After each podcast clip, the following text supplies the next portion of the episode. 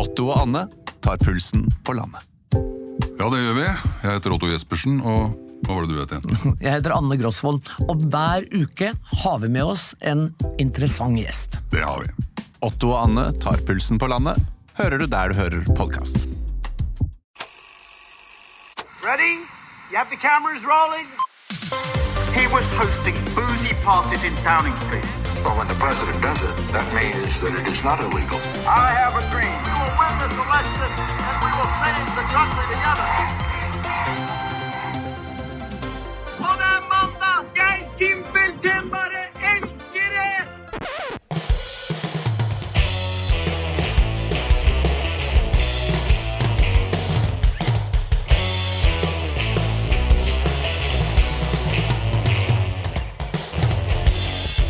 Velkommen. Velkommen. Mitt navn er Erik Bergesen, Og mitt navn er Sofie Høgstøl. og dette er den store podkasten.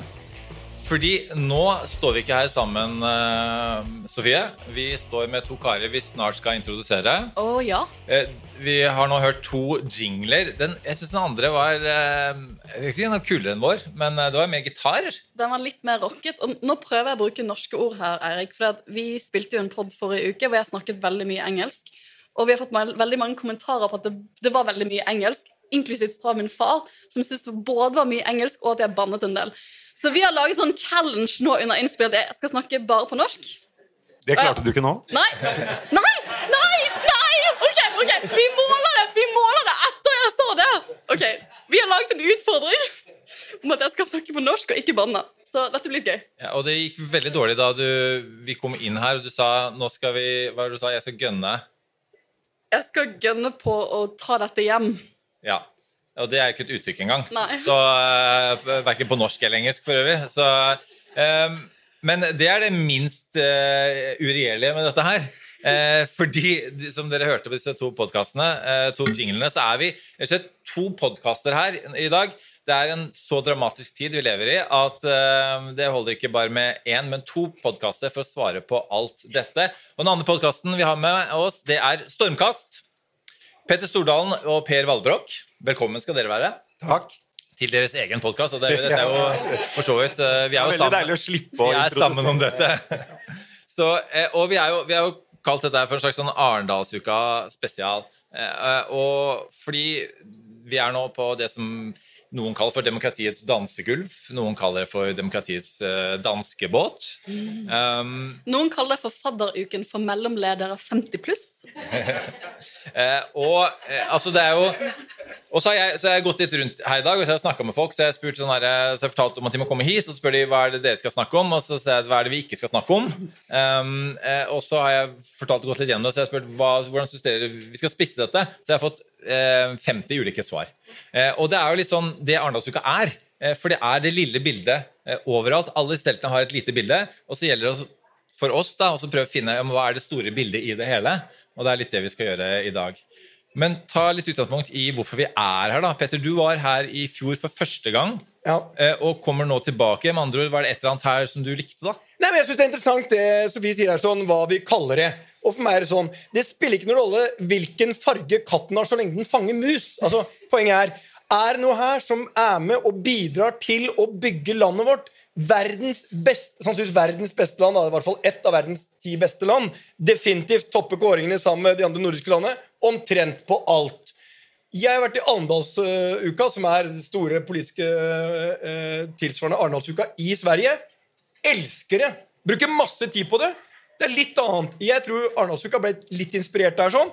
For meg er dette en av de viktigste dagene i året. Her kan jeg møte I dag så møtte jeg Sandra Bruflot og ikke minst eh, Guri Melby. Og vet du hvordan jeg møtte de? Satt og drakk kaffe på eh, hotellet mitt. Så satt de ved siden av meg. Hvor mange ganger skjer det? Altså, og da fikk jeg diskutert noen av mine favorittområder med kanskje to av de mest fremragende politikerne på kvinnesiden, eller totalt sett, mener jeg, og kanskje kommende statsministerkandidater. Det skjer jo ikke ellers! Og her møtes næringsliv, politikk, frivillige organisasjoner, alle sammen, som vil være med å forme landet. Det er jo dritvakkert! Og, og du sa I fjor spurte jeg deg um, om eh, For da var du på Norske tilstander med oss, og så, så viste jeg til en kåring som, hvor du eh, er den eneste altså den, av ikke-politikere som folk vil ha som statsminister. Og så spurte jeg, hva, hva ville du regjert på bakgrunn av? Hva er det som er, som er, hva er, som er viktig, viktig for deg? Hva er det du er imponert av? Og da brukte du lang tid. Eh, Da var du stille en stund, faktisk. Eh, Og så sa du Husker du hva du sa? Nei. Embetsverket! Ja, Men embetsverket Ja. skal hylles! Ja. Altså, Nå skal vi sikkert prate også senere om amerikansk politikk. Ja. Det de Det gjør, gjør, som vi må tenke på De bytter ut hele driten det holder seg bang, hver gang de får en ny president. Er en gæren president, så får du også et embetsverk som kanskje ikke er det beste. Her, vet du, i Norden! Embetsverket er skinnegangen. Og så setter vi politikere på toget. Og sånn går det. Derfor er det ikke noe farlig om du har en statsminister som heter Siv Halvorsen, eller, nei, Kristin Halvorsen, eller Siv Jensen. For de klarer ikke å endre Finansdepartementet på fire år! Det skal utredes og utredes! Det er det jeg elsker! Så det, du egentlig sier at du, det er ikke farlig om folk ikke lærer seg navnet på statsministeren. Nei, er det andre ting betyr som- ingenting. Ja, andre ting som er viktigere. Men, men eh, Petter, altså, for at, og her er jo embetsverket. Og, det, og, det, er- og det, det som jeg må si, bare begynne med det eh, Jeg prøver å unngå å rante i programmet, for jeg er ikke en ranter, men nå skal det komme en liten rant. Fordi altså, Man får jo sånn elite, elite eh, stempel på dette her, men, men se ut av vinduene her. da, se her, altså på en måte eh, Her sitter ikke Sander Bruflot og, og Guri Melby, eh, for så vidt. eh, Men, men det, er, altså, det er folk i organisasjoner på alle nivåer, og så er de som er ledere i organisasjonene, er valgt av organisasjonene sine, av medlemmene, for å representere dem. Eh, Og det føler jeg som er, er det vi eh, Som er Arendalsuka, da, eh, for meg. Ja, og jeg, jeg, jeg, den mellomledere 50 pluss, at det er fadderuka, Arendalsuka er det, det hørte jeg fra en ungdomspolitiker som sikkert kommer til Arendalsuka og føler at det, er liksom, det, det stevnetreffet for de som liksom er høyere oppe i, i selskaper og eh, organisasjonslivet som kommer til Arendal for å treffes igjen etter sommeren. Men jeg tror du sier noe der at det er jo nesten en form for sånn elitekritikk å si at det bare er eliten her, og, alle, og det er bare elitefolk som kan møte hverandre som møter hverandre ellers. For jeg synes det er fascinerende å høre at selv Petter Stordalen syns det er eksotisk å kunne sitte ved siden av Guri Melby og drikke kaffe. Det syns nok Guri Melby også. Eh, liksom tilbake. Og, og det er litt det at vi, vi Det er kan hverdag for deg, da. hver dag for meg. Eh, I Venstre der er alle venner og drikker kaffe sammen hele tiden. Um, men det er jo litt det at jeg tror at Arendalsuka er jo et sted hvor du kan komme. Du kan ta toget ned hit, og så kan du støte på veldig mange makt, uh, maktpersoner som du ellers ikke ville møtt i den boblen du er i. Og det er en sånn ganske unik samlepass som jeg tror at folk som er utenfor boblen, vil sette pris på hvis de kommer til Arendal.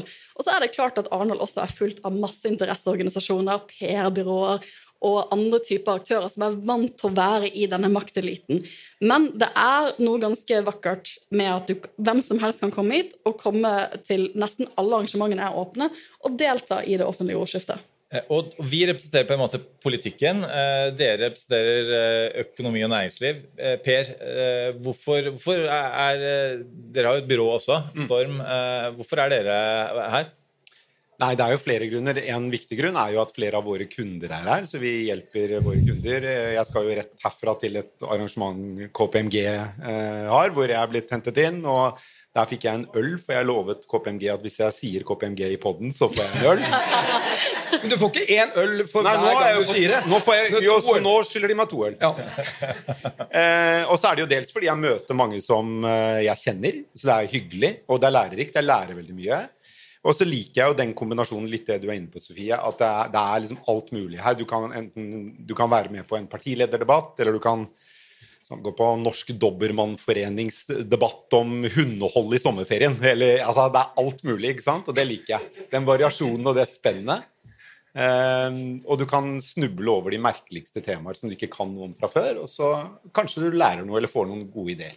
Eller dårlige. For du sa jo på vei inn i dette, Eirik, at hva er det vi kommer inn her med, og hva skal vi ut med? Og jeg tenkte i dag at i dag har jeg åpnet dagen min med å lede en debatt på, hos Røde Kors, og jeg ledet samme debatten i fjor. Uh, og det er den store debatten de Fikk har du en øl nå? Eh, jeg har ikke spurt. Nei, altså, jeg, nå har jeg forhåpninger.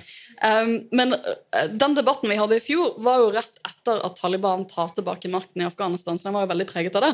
Og da satt vi der fortsatt litt rystet av de bildene vi fikk fra Afghanistan, og, hadde, og brukte mye tid på det. Men lite visste vi da hvor urolig verden kom til å bli et år senere. Og det var egentlig litt sånn tankevekkende å være tilbake her ett år senere i samme type debatt og tenke på hvor mye verden har flyttet seg, og hvor annerledes debatten er. For det blir jo en sånn statusoppdatering og et, et bil, et, som du sier, mange små bilder av hva Norge og verden handler om akkurat nå i dag, ut ifra det vi ser er arrangert på Arendalsuka.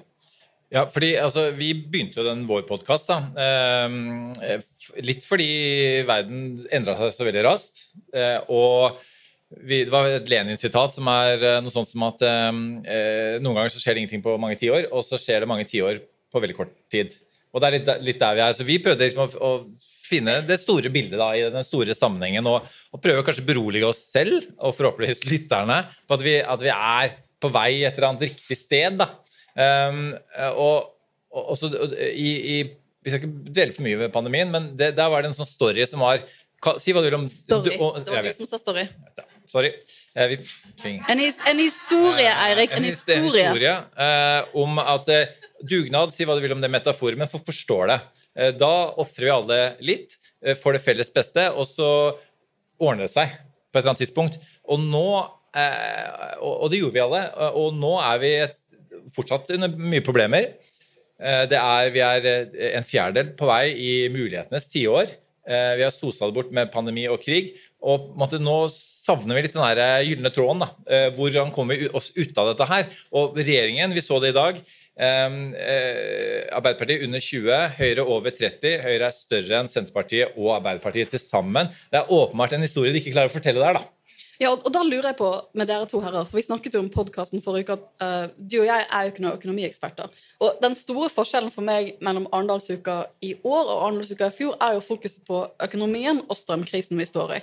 Og da lurer jeg på, Hvordan ser dere Dere er jo begge næringslivsaktører på en måte Eirik og jeg ikke er, og har økonomisk kompetanse. På mange måter, jeg og Svik her. på veldig mange måter. Um, hvordan, for, altså, hvordan er det for dere å være her med det økonomiske bakteppet som vi har både i verden, men også i Norge? Det er et stort spørsmål. Men det er det store bildet. Nå fikk de du til å bli stille. Ja, og det, det, det- ja, men husk en ting da. Eh, For meg er ikke strømstøtten det store bildet. Og måten det er håndtert på foreløpig, syns jeg er bra. Vi forsøker å ta litt av belastningen som de enkelthusholdningene har fått. Det syns jeg er det viktigste. Så er det en diskusjon nå om å utvide strømstøtten. Der har jeg igjen respekt for politikere og embetsverk. Når ikke noen av de klarer å fortelle hva innretningen blir, så vil det være direkte arrogant av meg å forsøke at jeg skal komme med noen løsninger her eh, som et orakel i strømdelfi. Men eh, det jeg kan si, det er det store bildet for meg handler om helt andre ting. Jeg kommer hit for å debattere helt andre ting. For meg handler det om ting som er farligere. Altså, vi hadde et pandemivirus, og så har vi også hatt et sånn cybervirus. Men et mye farligere virus, som jeg er mye mer redd, det er polariseringsviruset. Og jeg er redd at det blir for mange små debatter når du adresserer hva er veien ut av dette. Jo, vi må verne om det vi har, og vi må ta vare på de beste og viktigste verdiene som har bygd Norden til det det er. Og vi må ikke slippe dem, vi må fighte for det.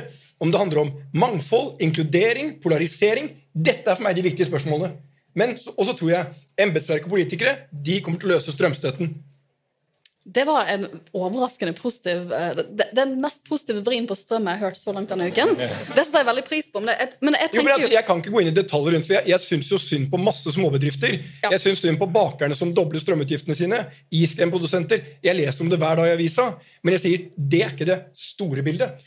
Men jeg, jeg, vi snakket jo litt før vi begynte om dette med polarisering. for jeg tror Fra mitt perspektiv da, så blir jo strømkrisen Det jeg er veldig bekymret for, er måten strømkrisen kan bidra til å øke polariseringen i samfunnet vårt. For det er klart at vi er alle, alle med vanlig lommebok føler den ja, prisøkningen som er i samfunnet nå, både via renteøkning, matprisene øker, strømprisene øker, det ø, koster mer penger å fylle på bensin i bilen. Og da er jo det grobunn for populisme. Og du har jo vært, Per, sånn som, så vidt jeg husker, jeg tror det er sånn jeg leser det første gangen, så var du E24, kan det stemme? Ja. Redaktør. Redaktør. Hva ville du som redaktør fokusert på nå, i, det, i den økonomiske konteksten vi ser nå? Om strøm spesielt. Egentlig hele bildet. Hele bildet, ja. Ja. det er jo ikke lite. Nei, men ja, når det gjelder strøm, så, så eh, tror jeg jo det som Det er jo et enormt energiskifte vi står, uh, står i, og som bare så vidt er begynt, tror jeg. Um, så Tyskland har jo i veldig lang tid outsourcet sin energi til Russland og liksom sett seg helt blind på hvor billig gassen fra Russland har vært. Ikke sett på sikkerheten i det i det hele tatt.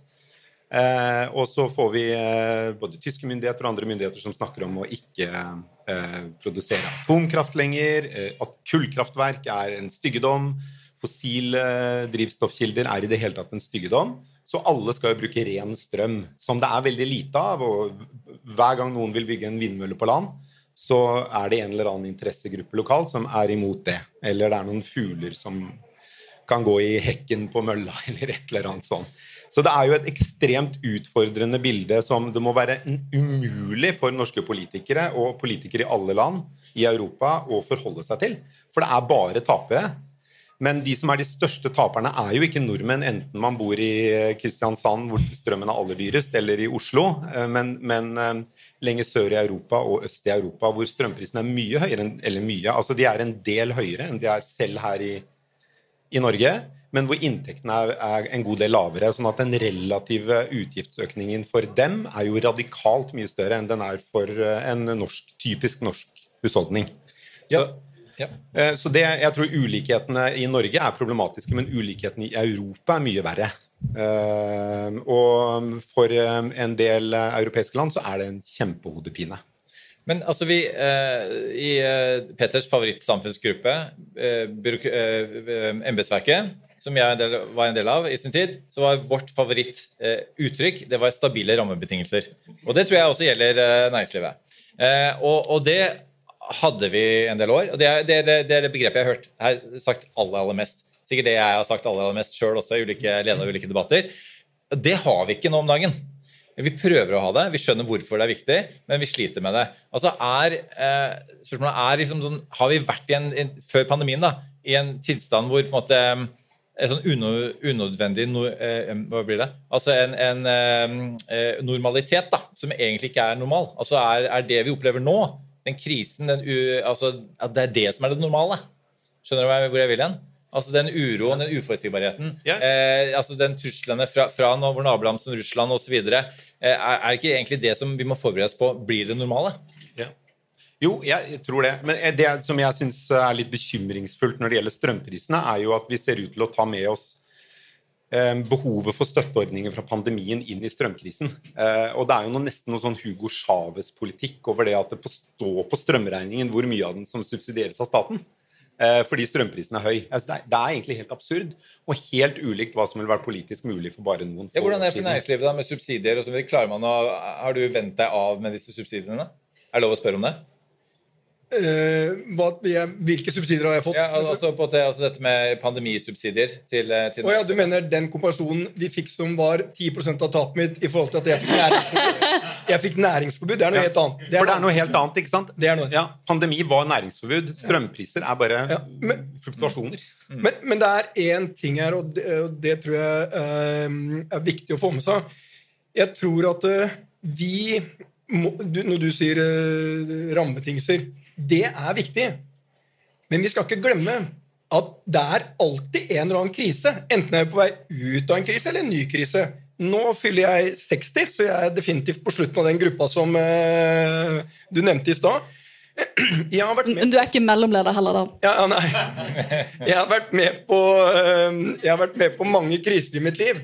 Og det er jo lett at vi glemmer krisen i 1992, som var langt mer dramatisk enn det vi er i, vi er i nærheten av nå. Da måtte staten overta samtlige norske banker.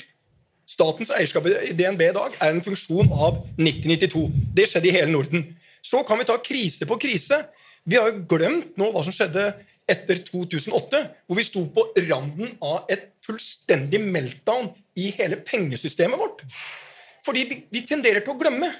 Og så blir fokuset at nå står vi overfor er dette normalen. Jeg sier sånn kriser kommer, kriser går. Det er forfatteren selv som leser nå. Men Nordic Choice består. Fordi det vi har, som er viktig, vi må tilpasse oss den virkeligheten vi befinner oss i. Altså, Ja, det er uro i Europa. Ja, det er utfordringer med energi. Ja, det er utfordringer med at hele kostnadsbildet vårt så, så må vi tilpasse oss. Og så er det én ting jeg savner. Hva er det vakreste ordet, bortsett fra tillit, hva er det vakreste ordet som jeg savner i politikken? Savner det veldig mye i Sverige, savner også i Norge. Kompromisset! At vi må være enige om at vi, altså Se hva som skjer i USA. De har glemt kompromisset. Og det er jeg redd at vi er i ferd med å miste også i norsk politikk, hvis ikke vi nå tar det tilbake. Ja, hvordan gjør vi det? Ja, men det er ikke det er derfor vi har dere her! Jeg bare adresserer et problem. Jeg savner Jeg synes det er derfor jeg har med Per i podkasten. Jeg kaster ut en ting, og han må svare på den det. Kan jeg bare si en ting til? eh, eh, Det, det som også er Det at vi har så høye strømpriser nå, er jo egentlig veldig bra med tanke på det grønne skiftet. Fordi det gjør at mange renere energiformer enn olje og gass er plutselig blitt svært lønnsomme. Eh, Det var det ikke eh, for ikke så lenge siden. Så jo mer vi støtter eh, både bedrifter og husholdninger med høye strømpriser, jo mindre hjelper vi det grønne skiftet på vei. Vi, vi, vi letter på den tilpasningen som vi er nødt til å gjøre alle sammen for å bruke mindre energi uansett hva slags kilde den har. Så Men så skal jeg bare legge til som, eh, som er viktig, for vi er jo alltid veldig samkjørt i vår podkast. Det unntaket at det er urimelig at man skal betale to øre i deler av Norge og fem kroner i andre deler av Norge, det må jevnes ut. Så Det mener Per også, sånn at vi er helt på linje her. Ja, men det mener jo jeg også. Så uansett hva det er det grønne skiftet. Jo, men jeg, jeg vil bare bryte inn her, for jeg, jeg studerte i London i 2008 da finanskrisen kom. og det er liksom det Jeg jeg husker jo ikke krisen i 1992. Jeg har blitt fortalt av foreldrene mine som Faren min var, i, var bankmann på det tidspunktet, så han husker det veldig godt. Men jeg husker jo finanskrisen veldig godt, for jeg ble da ferdig på London School of Economics, som er et engelskspråklig navn, så jeg sier det på engelsk. Um, men da, i 2008 da hadde jeg masse venner som hadde jobb i, um, i hadde fått finansjobber i London. Deriblant mange av de hadde fått jobb i Lehman Brothers. Gledet seg stort. Det skulle bli et vakkert eventyr. De var alle arbeidsledige tre måneder senere. Og det, det er den finanskrisen jeg husker ganske godt, men dere er ikke like Så jeg begynner å krisemaksimere med en gang inn i det jeg erfarte i 2008, men dere er ikke bekymret for, for at vi står overfor en ny sånn type finanskrise. Først og så tror jeg at det er eh, alltid nok av ting man skal, kan bekymre seg over i verden. Og jeg tror ikke bekymringer tar oss videre. Det er, jeg sier at det er faktisk optimistene som har bygd de nordiske landene og Norge. Det er ikke pessimistene. Det vi kan bekymre oss til altså, øh, den siste dagen vi har her. sånn. Så jeg sier, jeg har levd med så mange eh, kriser og forskjellige situasjoner at du må bare velge, og det er det jeg mener også politikere har et ansvar for å se fremover. Vi må, vi må se fram. Hvor er vi skal? Vi skal dit. Ok, da går vi, og så tilpasser vi oss. Og så finner vi løsninger. Og utgangspunktet vi har Vi er altså verdens rikeste land. Og det spruter inn med penger i det landet her som det aldri noensinne i historien har gjort. Det lille selskapet Petoro de har 200-300 ansatte, hovedkontor i Stavanger. Hører ikke om det. De hadde et resultat nå med, kan jeg sikkert bli korrigert av Per, på 235 milliarder! Det er embetsverket som styrer. Det fosser inn med penger! Og så diskuterer vi litt strømstøtte til utsatte husholdninger. Ah, hallo!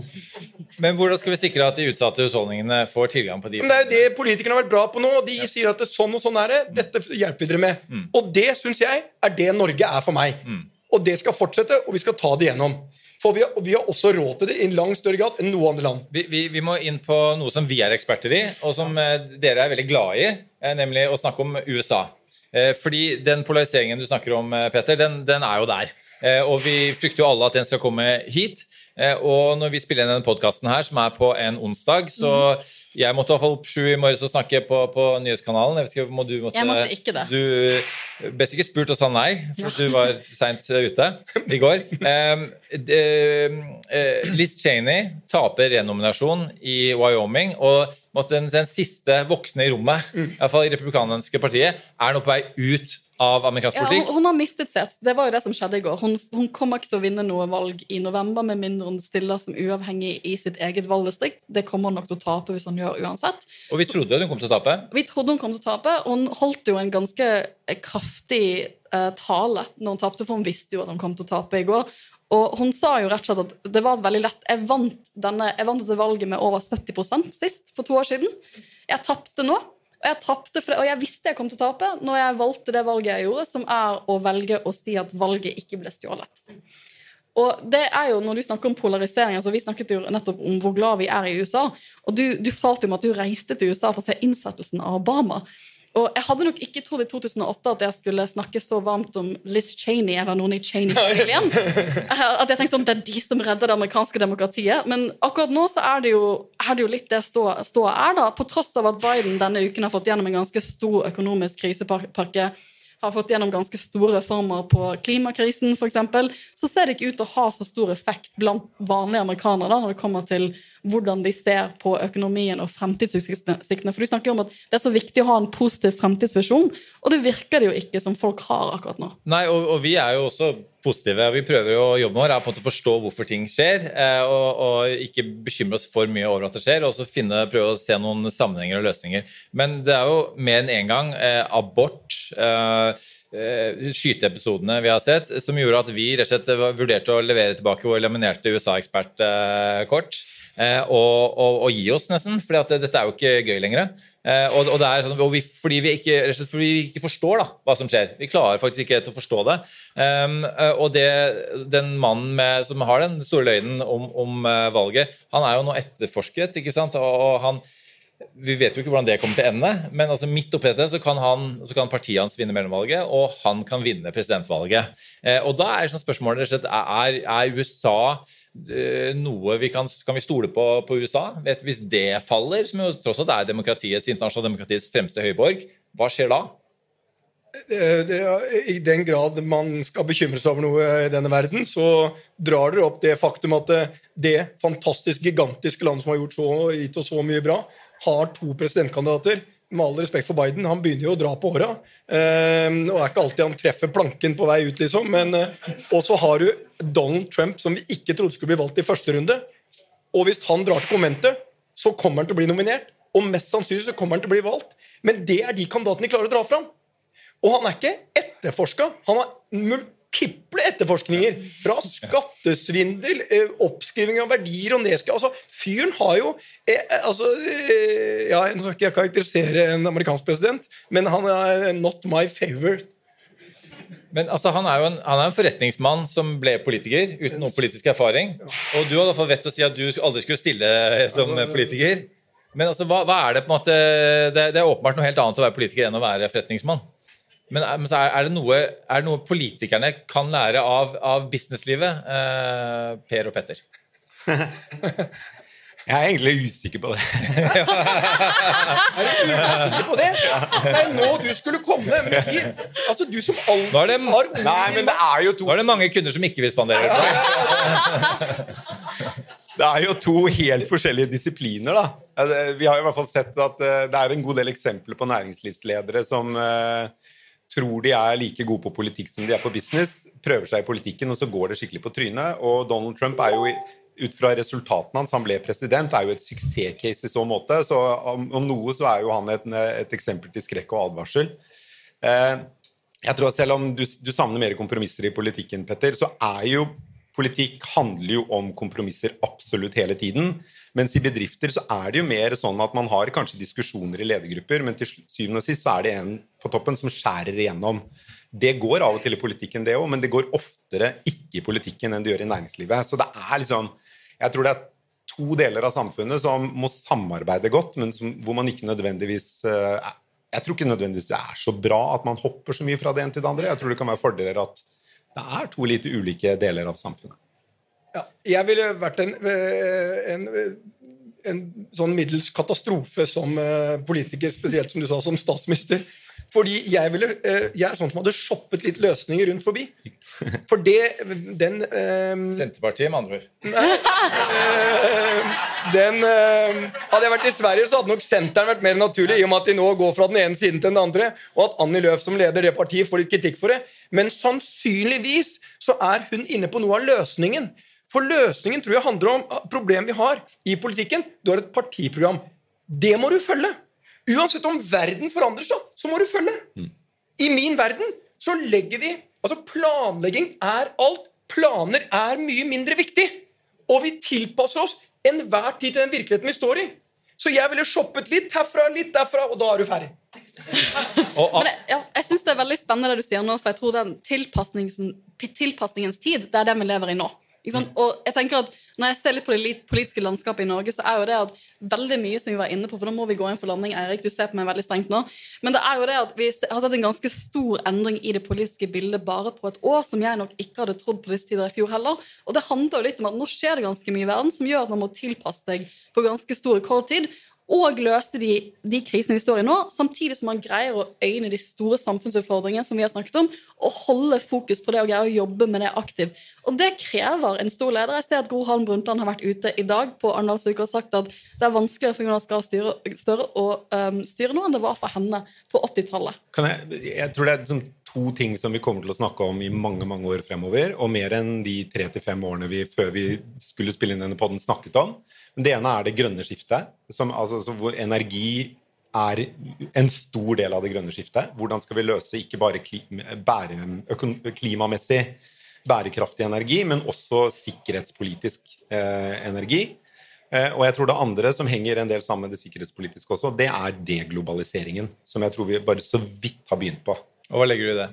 Eh, nei, så, sånn eh, En viktig grunn til at vi har hatt nullrente i mange år, en viktig grunn til at vi har liksom, Kjøleskapene i dag er mye billigere enn da mine foreldre kjøpte dem på 70-tallet, eh, er jo eh, Kina. Fremveksten av spesielt Kina som hele verdens fabrikkulv.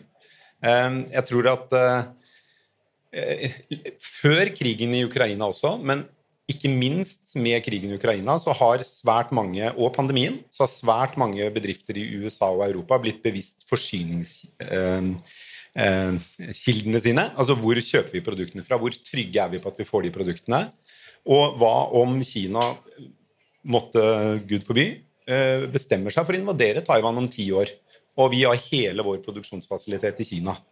Så jeg tror det er liksom både forsyningssikkerhet og den politiske risikoen gjør at vi kommer til å se mye fordi det nå lar seg gjøre å erstatte billig arbeidskraft med teknologi i Europa og USA, gjør at billig arbeidskraft er ikke så viktig del av produksjonskostnadene dine. Det er nærhet til markedene blir relativt sett viktigere. Så mye mer industriarbeidsplasser i Europa og USA på bekostning av Kina. Og er det en god idé? Altså, Hvorvidt ideen eh, Per er god Nei, det, det betyr dyrere Jeg tror at det betyr at vi vil se at nullrenteverden er eh, historie. Jeg tror den mye farligere delen av det er akkurat konsekvensen av deglobalisering kan bli den negative delen av nasjonalisme, som vi Yes. ser i en rekke land. Og effekten av det å være seg selv nærmest er jeg veldig redd for. Det som skaper en stabil verden for meg, er at vi handler sammen, vi reiser, vi har respekt for kultur Altså, alt det der der, det er det eh, en annen bekymring. Jeg begynte å ha jævlig mye bekymringer, jeg kjente. Du begynte veldig Ja, ja, positivt. ja. Nei, men Det er dere som tok jo, men jeg trekker jo alltid Petter ned. Jeg er alltid negativ. Jeg skjønner jo hvorfor det, det at folk reiser mindre, er, er, du bekymret for. Det skjønner jeg jo. Ja, nei, da reiser vi mer i Norge. Det er jeg bare glad for. Ja, ok, ok. Men, eh, men vi, skal, vi skal avrunde, men jeg tenkte jeg skulle si en positiv ting. da, fordi at eh, En av de tingene vi aldri rekker å prate om pga. disse krisene, det er faktisk det er, det er klima og bærekraft. Og vi har vært inne på det i dag. eh, Og, og det eh, og media da, er veldig eh, Jeg er i media eh, og, og veldig dårlig på å snakke om de tingene. Men her er det utrolig mye bærekraft eh, og grønn vekst. Det er masse. Jeg har leda debatter på det. Hvis jeg ser rundt hvert eneste hjørne, så er det ting. Så, så igjen, det er det sånn siste forsøk på å frikjenne Arendalsuka. Eh, på at de som eh, er her eh, For det er, jo, det er jo det bedrifter og organisasjoner holder på med, og de har lyst til å vise fram eh, som, som, som skjer her, og kanskje ting man da eh, eh, opplever seinere, og kanskje leser om i media seinere også. Men så, så med det eh, så er jeg eh, veldig glad for at eh, vi fikk lov til å oppsummere våre erfaringer fra Arendalsuka, eh, og at dere som er her, har vært her, og at dere som har hørt på, har hørt på. Eh, og helt til slutt, vi har ukas anbefaling. Det, det har kanskje ikke dere deres pod? Nei. Nei. Har dere en anbefaling? Altså, er, det, er det en Er det en bok, film, eh, TV-serie, et eller annet som bare folk må skru på når de er ferdige med å høre på den podkasten? Ja, det er det. Jeg hørte på en eh, jævlig bra hiphop-plate på vei ned. Pa, pa, Altså, du, du er, det, det markedet du har, det er så smalt. No. Ny hiphop-plate av Danger Mouse. Ja. veldig rart men utrolig bra. Kom for tre dager siden. Hør på den. Altså, hvis... og, men kan jeg også komme med en Ja, ja, ja, anbefaling? det. Eh, I og med at han uh, gikk på den sære delen, skal jeg gå på den delen jeg liker. Jeg syns man skal se på serien om Ullared Gekås, som var eh, mye av mitt liv. En eh, litt stor dagligvarebutikk. Hvor det handler om hvordan folk har det på jobb, og hvor fantastisk det er å eh, ha en stor dagligvarebutikk. Og mye du kan lære der. Og hvis du synes det er kjedelig, så kan du switche over til Solsiden og se alt det som går til helvete. Sofie, har du en anbefaling? Uh, fortsatt Beyoncé sitt album, så jeg føler at her er Per og meg veldig på linje. Det siste albumet? Det siste albumet. Ok. Så det er kjempebra. Uh, Min anbefaling er sånn nerd og så embetsverk som det kan bli. Uh, Mye av det som skjer her nede, inkludert dette her, blir jo tatt opp, og man kan se og høre seinere. Så de som ikke er på Arendalsuka, ikke fortvil, dere kan se og høre mye av det som skjer hjemme og og på arbeidsplassene deres. Var det Ja, det var kjedelig. Det var bra. Det var veldig korrekt, Eirik. Jeg, håper, jeg vet ikke om noen betaler meg for å si det, men uh, Ikke øl engang, men uh, Nei, jeg må løpe, jeg. For Ja, vet det. dere vet jo hvor jeg skal. ja. That's enough. Put down the mic.